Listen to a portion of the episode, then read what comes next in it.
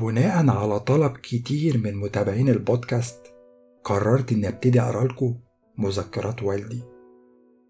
أعتقد إن اللي مكتوب في المذكرات دي هيساعدني عشان أفهم اللي حصل لي وبرضه هيساعدني عشان أفهم اللي بيحصل لجيراني دلوقتي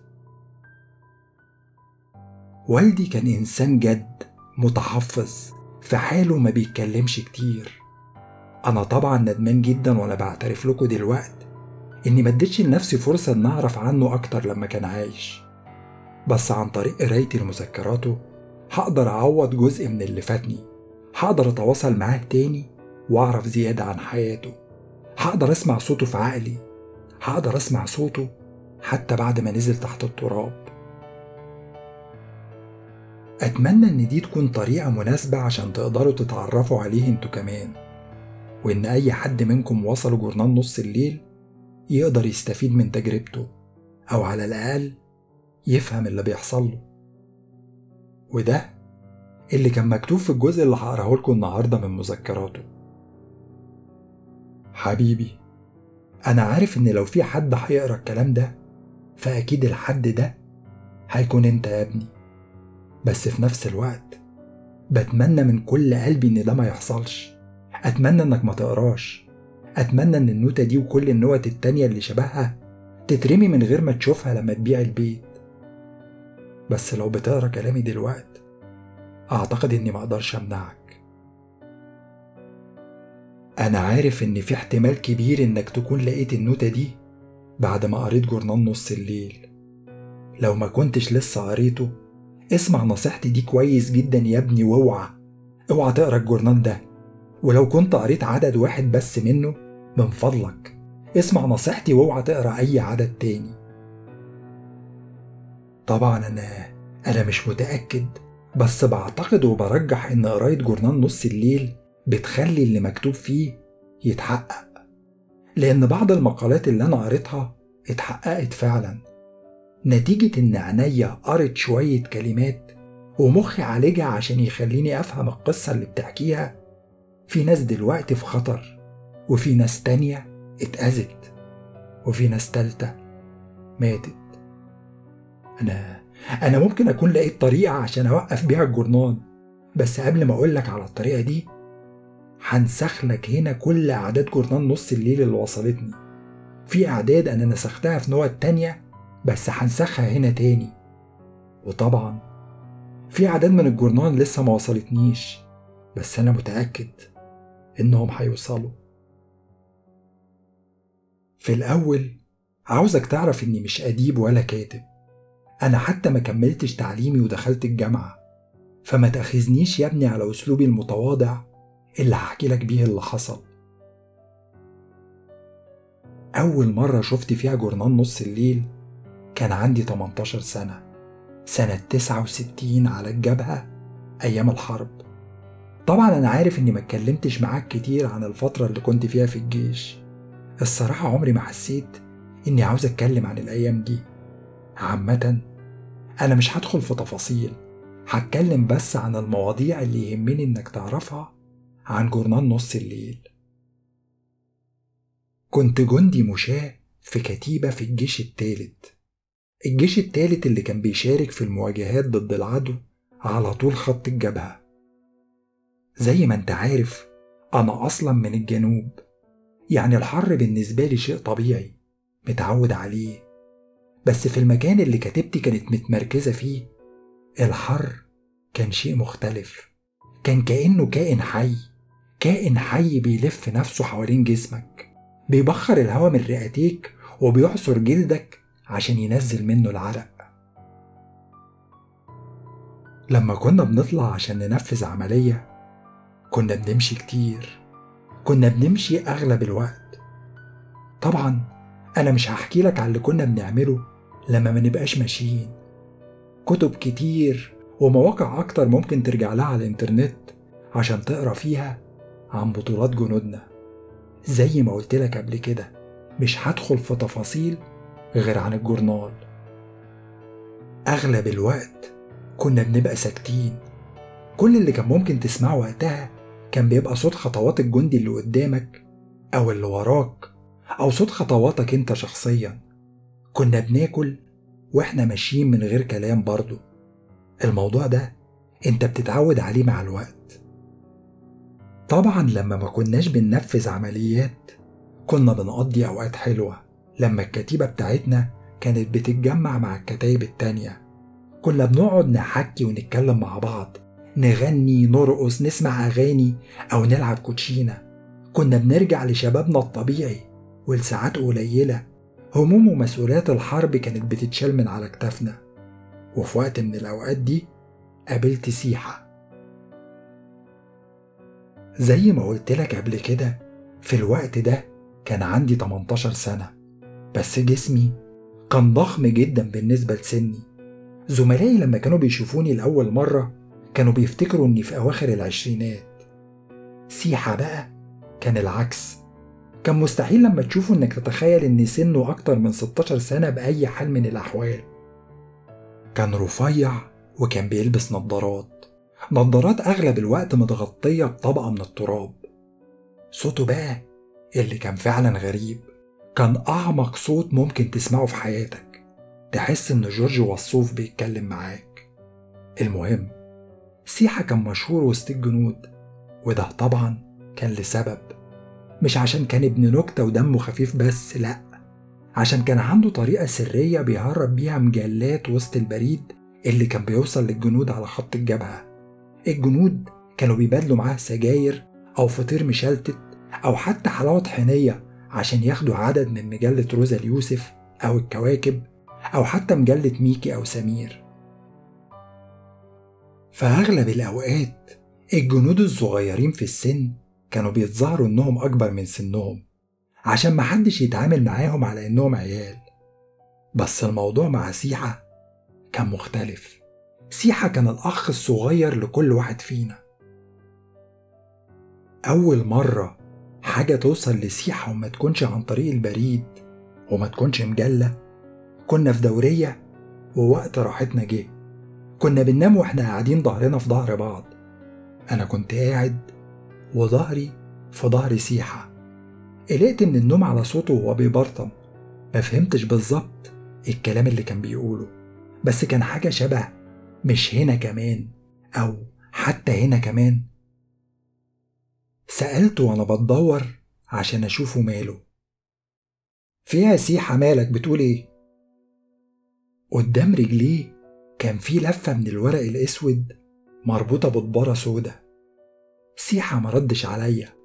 حط البندقية اللي في حجره على جنب واستخدم السمكي في إنه يقطع الدبارة اللي حوالين اللفة السودا لفة الورق الأسود فردت نفسها بالراحة قدامنا. دلوقت بقيت قادر أقرأ العنوان المكتوب بالأبيض على الصفحة السوداء جورنال نص الليل. إيه ده؟ جورنال؟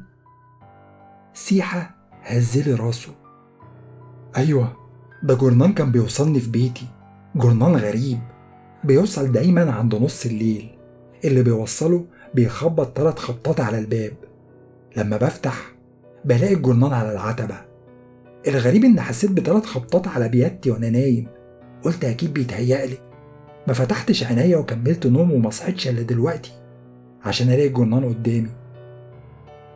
الفجر كان ابتدى يشقشق. والنور دلوقتي ممكن يسمح لنا إننا نقرأ الكلام المكتوب على الصفحة السوداء. طب يلا يلا أقرأ الكلام اللي مكتوب في الجورنال بصوت عالي. سيحة بصلي وهو متردد. مش عارف ما أعتقدش إني المفروض أقرأ اللي مكتوب. مديت إيدي لقدام فجأة عشان أخطف الجورنال من سيحة بس سيحة كان أسرع مني. حرك ايديه اللي ماسكة الجورنال لورا بسرعة عشان ما أقدرش اوصل له. ممكن تصرفه ده في اللحظة دي يكون أنقذ حياتي. خلاص طالما أنت مصمم للدرجة دي هقرأ. وبعدين سيحة ابتدى يقرأ.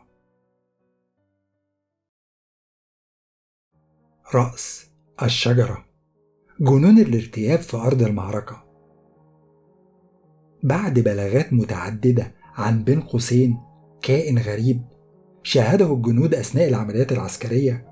القيادة تحث جميع الأفراد أن يظلوا هادئين بدون أن يتخلوا عن يقظتهم وحذرهم.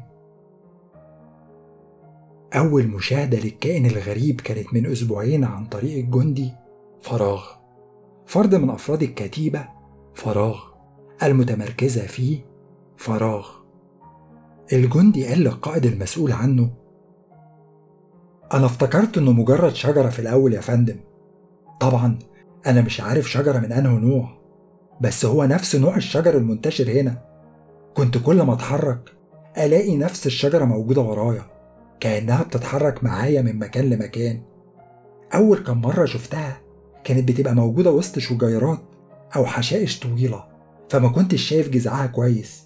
بس في مرة شفتها لوحدها من غير أي شيء حواليها. كانت راجل يا فندم. راجل وجذع الشجرة كان موجود في نفس المكان اللي كانت المفروض تبقى موجودة فيه رقبته. وفوق الجذع وفي المكان اللي المفروض تبقى فيه الراس كان موجود فروع وأغصان متغطية بورق الشجر. زي أي شجرة عادية موجودة هنا بالظبط. بس دي كانت شجرة ملعونة عملاقة طولها حوالي ستة متر. لا لا دي ما كانتش شجرة. ده شيء شيطاني غريب. ده حتى كان لابس زي عسكري زي عسكري من بتوع العدو وكان عنده ايدين ورجلين وكان لابس بيادة زي ما يكون راجل عادي. بس في شجرة عملاقة في المكان اللي المفروض تبقى موجودة في راسه. حضرتك طبعا عارف إني ما خفتش يا فندم وفتحت عليه النار. بس الشيء الشيء ما اتحركش ولا طلع منه أي صوت. بعد كده اتهموني إني فتحت النار من غير أي سبب وكشفت موقعنا للأعداء. بس أنا متأكد من اللي شفته ومن دلوقت أي شجرة هشوفها سلاحي هيبقى جاهز للضرب في المليان. مجموعة من الشهود أكدوا إن ظاهرة رأس الشجرة الغريبة كانت السبب في تحطم طيارة هليكوبتر. واحد من الشهود بيقول رأس الشجرة هو اللي أسقط الطيارة. جذع الشجرة اتمدد وطوله زاد خمسة متر تقريبا. وبعدين الفروع طولت في جميع الاتجاهات وشكلت دايرة قطرها عشرين متر. طيار الهليكوبتر معرفش يتفادى الفروع اللي ظهرت قدامه فجأة وبالتالي بالتالي الكارثة حصلت. الهليكوبتر اصطدمت بالشجرة ووقعت اتحطمت على الأرض. زي ما يكون الكائن الغريب فكر وخطط للموضوع ده. القيادة مقتنعة إن في تفسير منطقي للكلام الغريب اللي الشهود بتقوله. الموضوع تفسيره بكل بساطة في كلمتين جنون الارتياب. الجنود بتنام تلات أو أربع ساعات في اليوم ده لو ناموا أصلا. نفس الجنود دي عينيها متدربة إنها تدور على العدو اللي مستخبي وسط الشجيرات أو بين فروع الأشجار. ممكن يتهيأ لهم من الإجهاد إنهم شايفين جندي من جنود العدو مستخبي فوق شجرة وده شيء عادي وبيحصل. والامتداد الطبيعي بتاعه إنهم ممكن يتخيلوا إنهم شايفين جندي من جنود العدو على شكل شجرة. الجنود مقتنعين إن رأس الشجرة حقيقي وبيمثل تهديد مباشر لحياتهم زيه زي العدو بالظبط. حتى إنهم ابتدوا يتهموه بإنه السبب ورا الظاهرة اللي ابتدت تحصل كتير في الفترة الأخيرة الظاهرة المتكررة لاختفاء زملائهم من غير أي أثر. وكمان في ناس منهم ابتدت تتهم رأس الشجرة بإنه السبب في الإصابات اللي بتحصل في أرض المعركة. واحد من الشهود بيأكد الشيء ده قاتل. راسه ممكن تكون شبه الشجرة أيوة بس ده مش معناه خالص إنه لا بيهش ولا بينش زي الشجر. وفعلا في تقارير بتأكد إنه أثناء تبادل إطلاق النيران مع العدو الكائن المشهور باسم راس الشجرة كان بيغير شكله بطرق مميتة عشان يساعد ويدافع عن العدو. في شهود قالت إن فروعه بتتحور وبتتحول لرماح بتنغرس في أجسام الجنود. وفي نفس الوقت في شهود تانية شافت راسه بتخرج منها حبال شبه فروع اللبلاب. بترفع أي جندي يقرب منه من على الأرض وتبلعه وسط ورق الشجر اللي مغطي راسه وعمره ما بيظهر تاني. وفي شهود تالتة شافت راس الشجرة وهو بيرمي سيل من الأشواك على الجنود في الدوريات. وكل اللي صابته الأشواك دي مات خلال أيام. رغم كل التقارير والشهود دي اللي تعتبر دلائل بتأكد وجود الكائن الغريب المعروف باسم راس الشجرة إلا إن الموضوع اتحفظ على إنه هلوسات. هلوسات شهود نتيجة الحرمان من النوم والضغط العصبي الرهيب والقلق نتيجة ظروف الحرب. ورغم كده برضه بنحذركم بنحذركم إنكم تقربوا من أي نباتات شكلها مريب.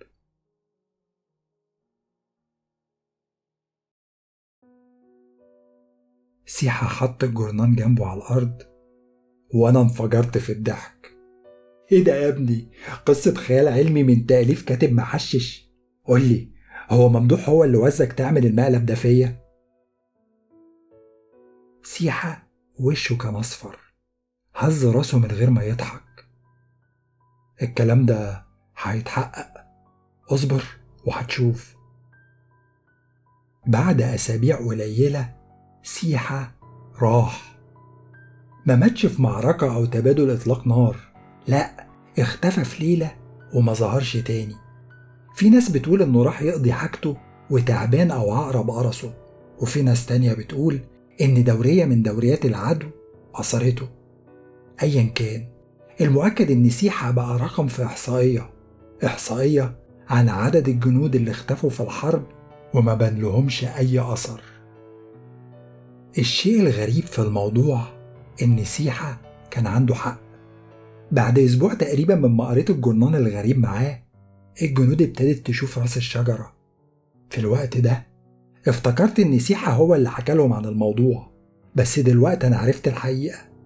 عرفت الحقيقة لأن عدد جرنان نص الليل اللي شفته بعد كده شفته على عتبة بيتي. ده كان أول جزء من مذكرات والدي وما تقلقوش أنا هكمل. أنا عارف إن أغلب جيراني إن ما كانش كلهم بيوصل لهم جرنان نص الليل. لازم ألاقي طريقة أوقف بيها الموضوع ده. وإن أعرف معلومات زيادة عن الجرنان هي الوسيلة الوحيدة اللي هقدر أعمل بيها كده.